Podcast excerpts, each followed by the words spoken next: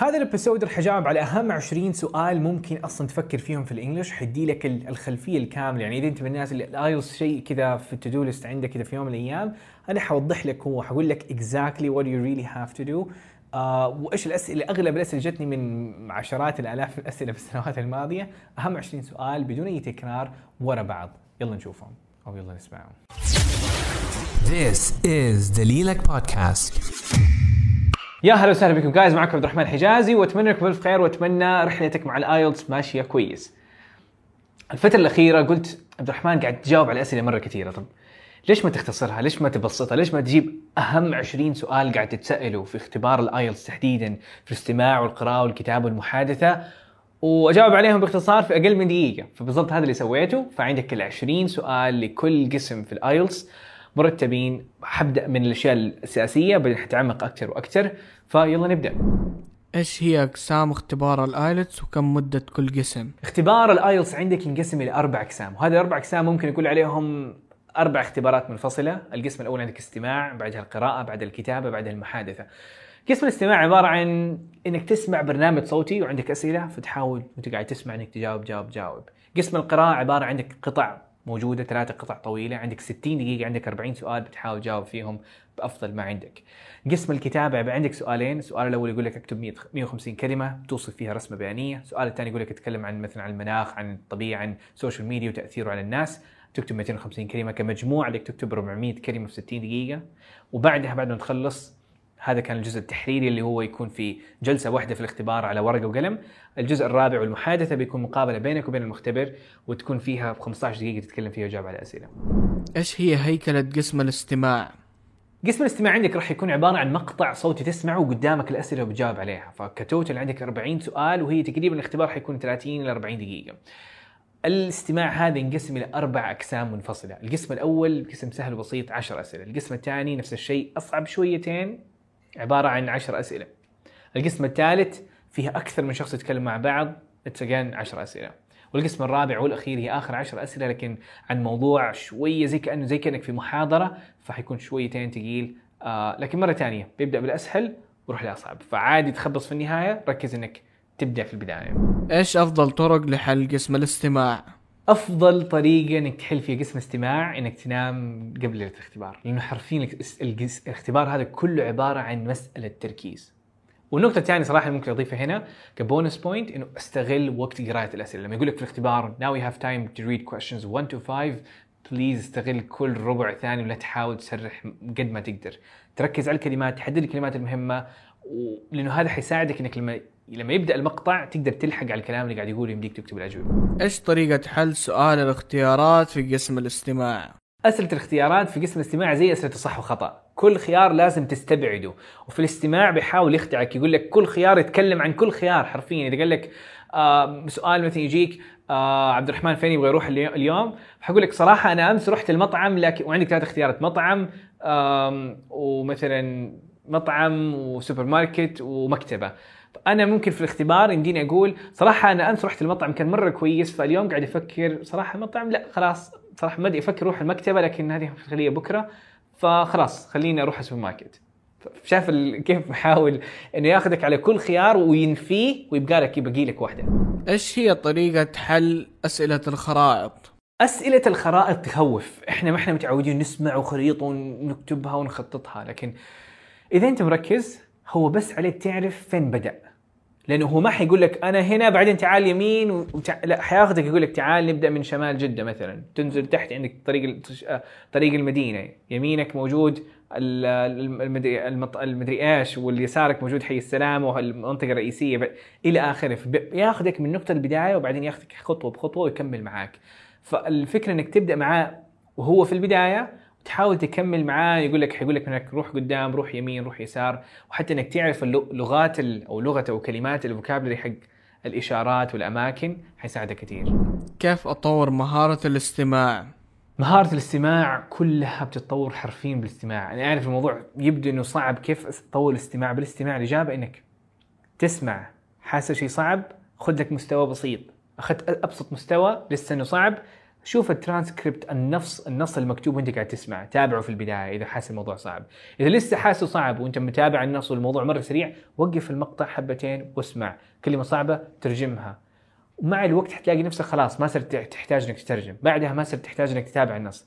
بعدها خلاص الموضوع صار super easy وتطورت عندك مهارة الاستماع. خصوصا قسم في الاختبار ال IELTS قسم الاستماع دائما يكون أو معظم الأحيان يكون باللهجة البريطانية والأسترالية. فحاول إنك تسمع البرامج الصوتية بهذا ال accent كيف حيكون قسم القراءة؟ قسم القراءة عندك عبارة عن ثلاثة قطع طويلة ومعقدة و40 سؤال و60 دقيقة. بمعنى آخر أنه عندك أقل من دقيقة ونص لكل سؤال.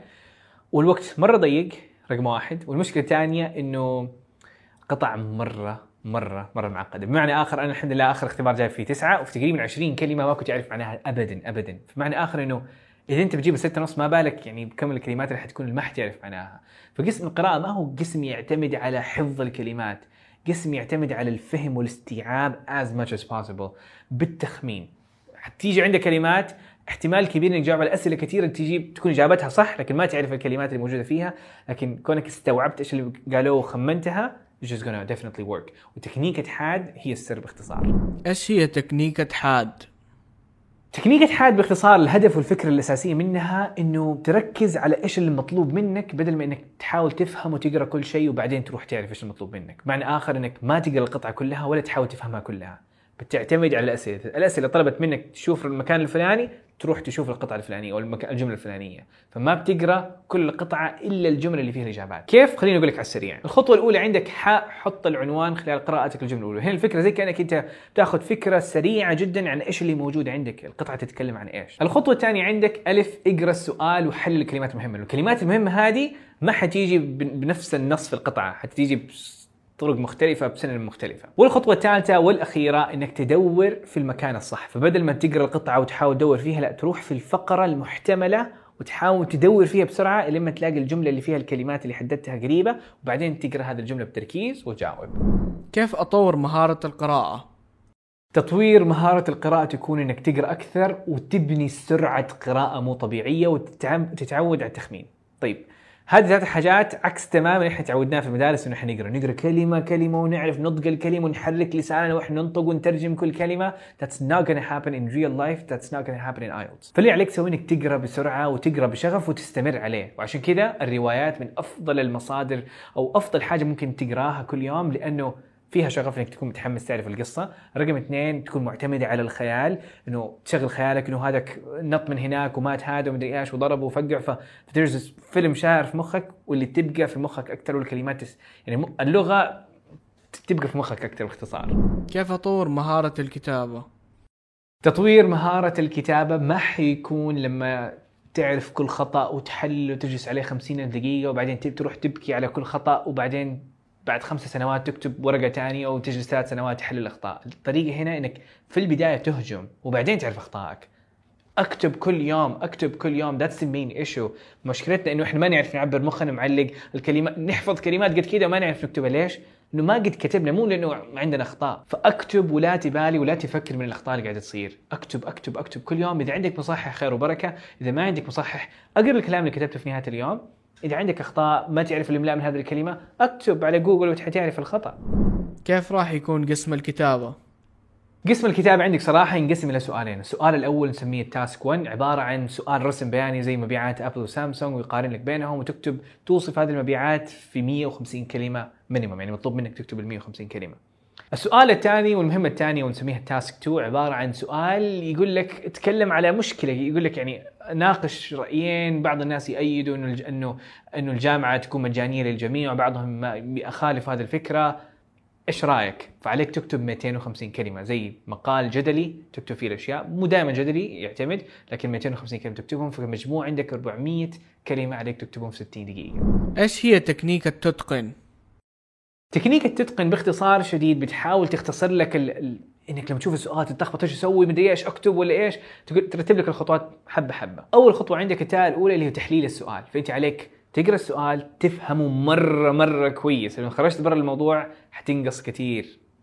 التاء الثانية تقول لك تخطيط السؤال. قبل ما تكتب ولا نص كلمة عليك تفكر إيش اللي حتكتبه بالضبط وبكل التفاصيل. بعدها عندنا الخطوة الثالثة اللي هي القالب. هنا عليك تستخدم القوالب حقت الكتابة اللي حتسهل عليك الموضوع وتوفر عليك وقت مرة مو طبيعي. وهذا الشيء اللي حياخذ 80% من وقتك. وآخر خطوة الرابعة اللي هي النظرة السريعة إنك تاخذ مراجعة سريعة على الاشياء اللي تسويها وتشيل الأخطاء التافهة اللي دائما تصير. إيش هي معايير تقييم الكتابة؟ عندنا أربع أشياء درجتك كليا تعتمد عليها في قسم الكتابة، رقم واحد vocabulary، قد ما كنت كويس في vocabulary، قد ما كانت أخطاء قليلة، قد ما كان الموضوع أحسن.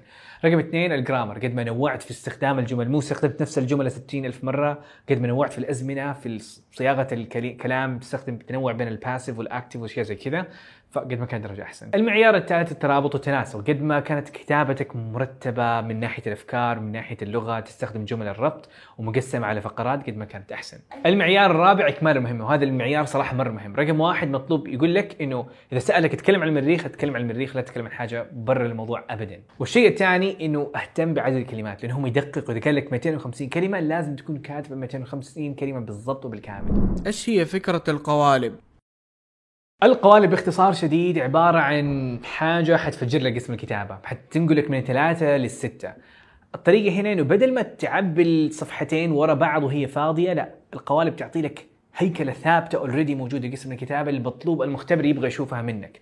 وتعطي لك الفراغات. تكتب 10 كلمات هنا 5 كلمات هنا 15 كلمة هنا 20 كلمة هنا والكتابة عندك كلها جاهزة. بدل ما تكتب ال 100 250 كلمة كلها مع بعض. فبتوفر عليك وقت مرة كثير في التخطيط والتفكير و... وإنك تجيب الكلمات ال- المتكررة والمهمة. ورقم اثنين بتع... تسمح لك وتعطي لك وقت إنك تكتب وتركز على لغتك وإنه تركز على إنك تكتب أفضل وأفضل. وطبعا مو معناه إنك حجيب سبعة وثمانية it just depends on your language لكن هي حاجة زي بروتين يساعدك إنك تقوي درجة أكثر كيف حيكون قسم المحادثة؟ قسم المحادثة عبارة عن قسم صراحة ممتع للبعض وموتر جدا للبعض، إذا أنت متعود تتكلم على جانب زي كذا حاجة حلوة وجميلة، لكن إذا ما أنت متعود حتخاف وترتبك بشكل مو طبيعي زيي.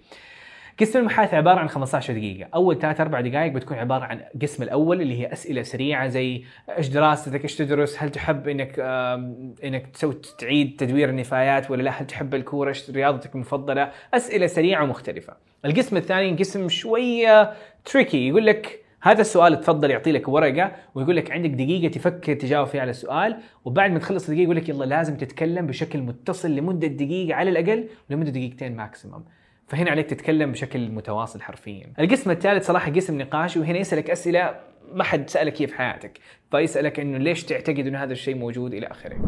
كيف أطور مهارة المحادثة؟ تطوير مهارة المحادثة بحاجتين، حاجة اللي ما حد منكم حيسويها وأتمنى حتى لو واحد منكم يسويها هنا. إنه تسأل نفسك سؤال وتحاول تجاوب جاوب, بنفسك. How was your day؟ تحاول تجاوب عليه. زي كأنك تسجل voice message it's not rocket science. ما حتروح مستشفى. حاول تجاوب عليه إنه my day was really good. It was amazing. زي كأنك قاعد ترسل voice message حرفيا. يعني it's not complicated. مو لازم تسمع نفسك. بس خلي الموضوع بسيط. جاوب على السؤال. وإذا مستحي مرة جاوب على السؤال في مخك. الشيء الثاني المفروض تركز عليه إنك تسمع كثير قد ما سمعت أكثر قد ما يمديك تتكلم بشكل أحسن بنطق أحسن بأكسنت أحسن إلى آخره. إيش فكرة الأسئلة المتوقعة؟ الأسئلة المتوقع باختصار ربع الاختبار في جيبك. طبعا بليز ما حد ينشر هذا الفيديو وديه في أماكن ثانية هذا عبارة عن أسئلة إذا أنت مشيت يعني مشيت عليها وراجعتها قبل الاختبار حتلاقي ما حد من هذه الأسئلة موجود عندك في الاختبار. بنسبة مرة كبيرة مره ثانية a legal note هنا إنه هذه توقعاتي شخصية اختبار. uh, they might not work. لكن على على جانب ثاني هي معظم الأحيان يعني احتمال جدا كبير تلاقي واحدة من هذه الأسئلة موجودة في الاختبار which is insane. ربع الاختبار أنت عارف أنت مجهز كل حاجة موجودة فلغتك بتكون أقوى لما تتدرب من هذه الأسئلة. وحتى لو نفترض worst cases again which is possible من ناحية قانونية كمان إنه إنه ما يجيك السؤال لكن كونك تدربت على أسئلة جدا شبيهة بالاختبار الحقيقي حتى بتجاك سؤال مختلف عنه حيجيك سؤال قريب منه which is awesome لأنك تدربت. إيش هي معايير تقييم المحادثة؟ كل كلام قاعد تقوله ترى محسوب في قسم المحادثة. المختبر يحسب كل كل كلمة حرفيا تتقال منك الآه والمدري مم، مدري إيش و- فيحسبها على أربع معايير. المعيار الأول عندك vocabulary المعيار الثاني عندك grammar المعيار الثالث عندك ال fluency إنك تتكلم بشكل متصل ما بتعلق ما إلى آخره. والمعيار الرابع إنك النطق حقك واضح. يعني ينفهم. مو لازم نطقك امريكي وبريطاني و accent مرة رهيب لكن نطق واضح. ما يمديك تقول كلمة know no, know أو كلمة people تكتبها بيوبل فما حتزبط. ففي هذه الأربع معايير حاول أفضل مع انك إنك تستخدم لغة قوية grammar قوي إلى آخره. هل لهجتي تأثر في المحادثة؟ اللهجة وال accent ما له علاقة في الاختبار نفسه لكن كون كلامك واضح ومفهوم يفرق. بمعنى آخر مرة ثانية مثال اللي دائما نقول عليه كلمة people يمديك تقول عليها people أو كويسة نفس الشيء نفس الدرجة لكن تقول people لا هذه مرة برا الموضوع. فحاول يكون نطقك واضح ومفهوم لكن مو لازم إنك تسوي نفسك accent ومدري إيش. حاول. حاجة حلوة إنك تحاول تخلي ال accent كويس لكن في الاختبار كونه ك accent تحديدا أوه ال accent حقه رهيب خليني أعطي له. يقال كذا رات فخليني أعطي له 100 لا ما حتصير. كيف اتغلب على التوتر في قسم المحادثة؟ التوتر مشكلة رهيبة وضخمة لكثير منكم خصوصا اللي ما قد يتعامل مع الأجانب اللي اللي مثال كبير جدا أنا. فأنا في البداية كنت حتى الورقة وفي الاختبار كانت تهتز بشكل مو طبيعي من كثر المختبر كان يمديني أشوف إن الورقه تهتز من كثر التوتر. فالحل هنا إنك حاول إنك ما تتوتر لأنك متوتر باختصار. أنت متوتر طبيعي المختبر عارف إنك متوتر just calm down ركز على الكلام اللي تقوله في المستقبل. رقم اثنين لا تحاول تركز على الأخطاء اللي سويتها. مثلا أنت تكلمت so I go to supermarket yesterday. المفروض كانت تقول went. لا تفكر oh my god المختبر راح يفقعنا ركز اللي بعده إيش حتقول؟ إيش الجملة اللي بعدها؟ والطريقة الثالثة بعض إحنا لما تحس التوتر مرة كثير. حاول إنك تركز على حاجة برا التوتر. مثلا تركز على رجولك زي كانك تحطها على الأرض كذا تحط كذا تحطها بقوة كذا وتركز على إنه كيف إنه رجلك موجودة على الأرض. هذا حيشتتك شويتين ويخلي التوتر شوية يتشتت يعني. فهذا كان بالنسبة ل 20 سؤال. أتمنى استفدتوا منه أتمنى ساعدتكم حتى لو بشوية. and صراحة أبغى أسمع منك يعني أبغى أسمع منك إيش الأسئلة اللي ساعدتك أكثر حاجة. وإذا عندك أسئلة ثانية ممكن تكتبها في التعليقات أو أفضل من كذا إنك تروح على تويتر أو انستغرام وترسل في الخاص. أنا definitely gonna try my best. أرد لك وبالتوفيق. يعطيكم ألف الف عافية. سبحانك اللهم وبحمدك. اشهد أن أنت. أستغفرك وأتوب إليك. Thank you so much for listening. مرة مقدر اهتمامك واستماعك ودعمك. فهذه الأيام صراحة بحاول إنه أعطي أفضل ما عندي وإنه أساعد الجميع. فأي سؤال وأي استفسار كلمني على الخاص. وإذا حبيت إنك تتابع البودكاست لأنه قاعد أنزل حلقات مرة قوية عن التحفيز عن الآيلتس عن تطوير اللغة عن قصتي فتابعني على دليلك في ايلتس.com slash podcast عشان تشترك في البودكاست هذا ويعطيكم ألف عافية. مع السلامة.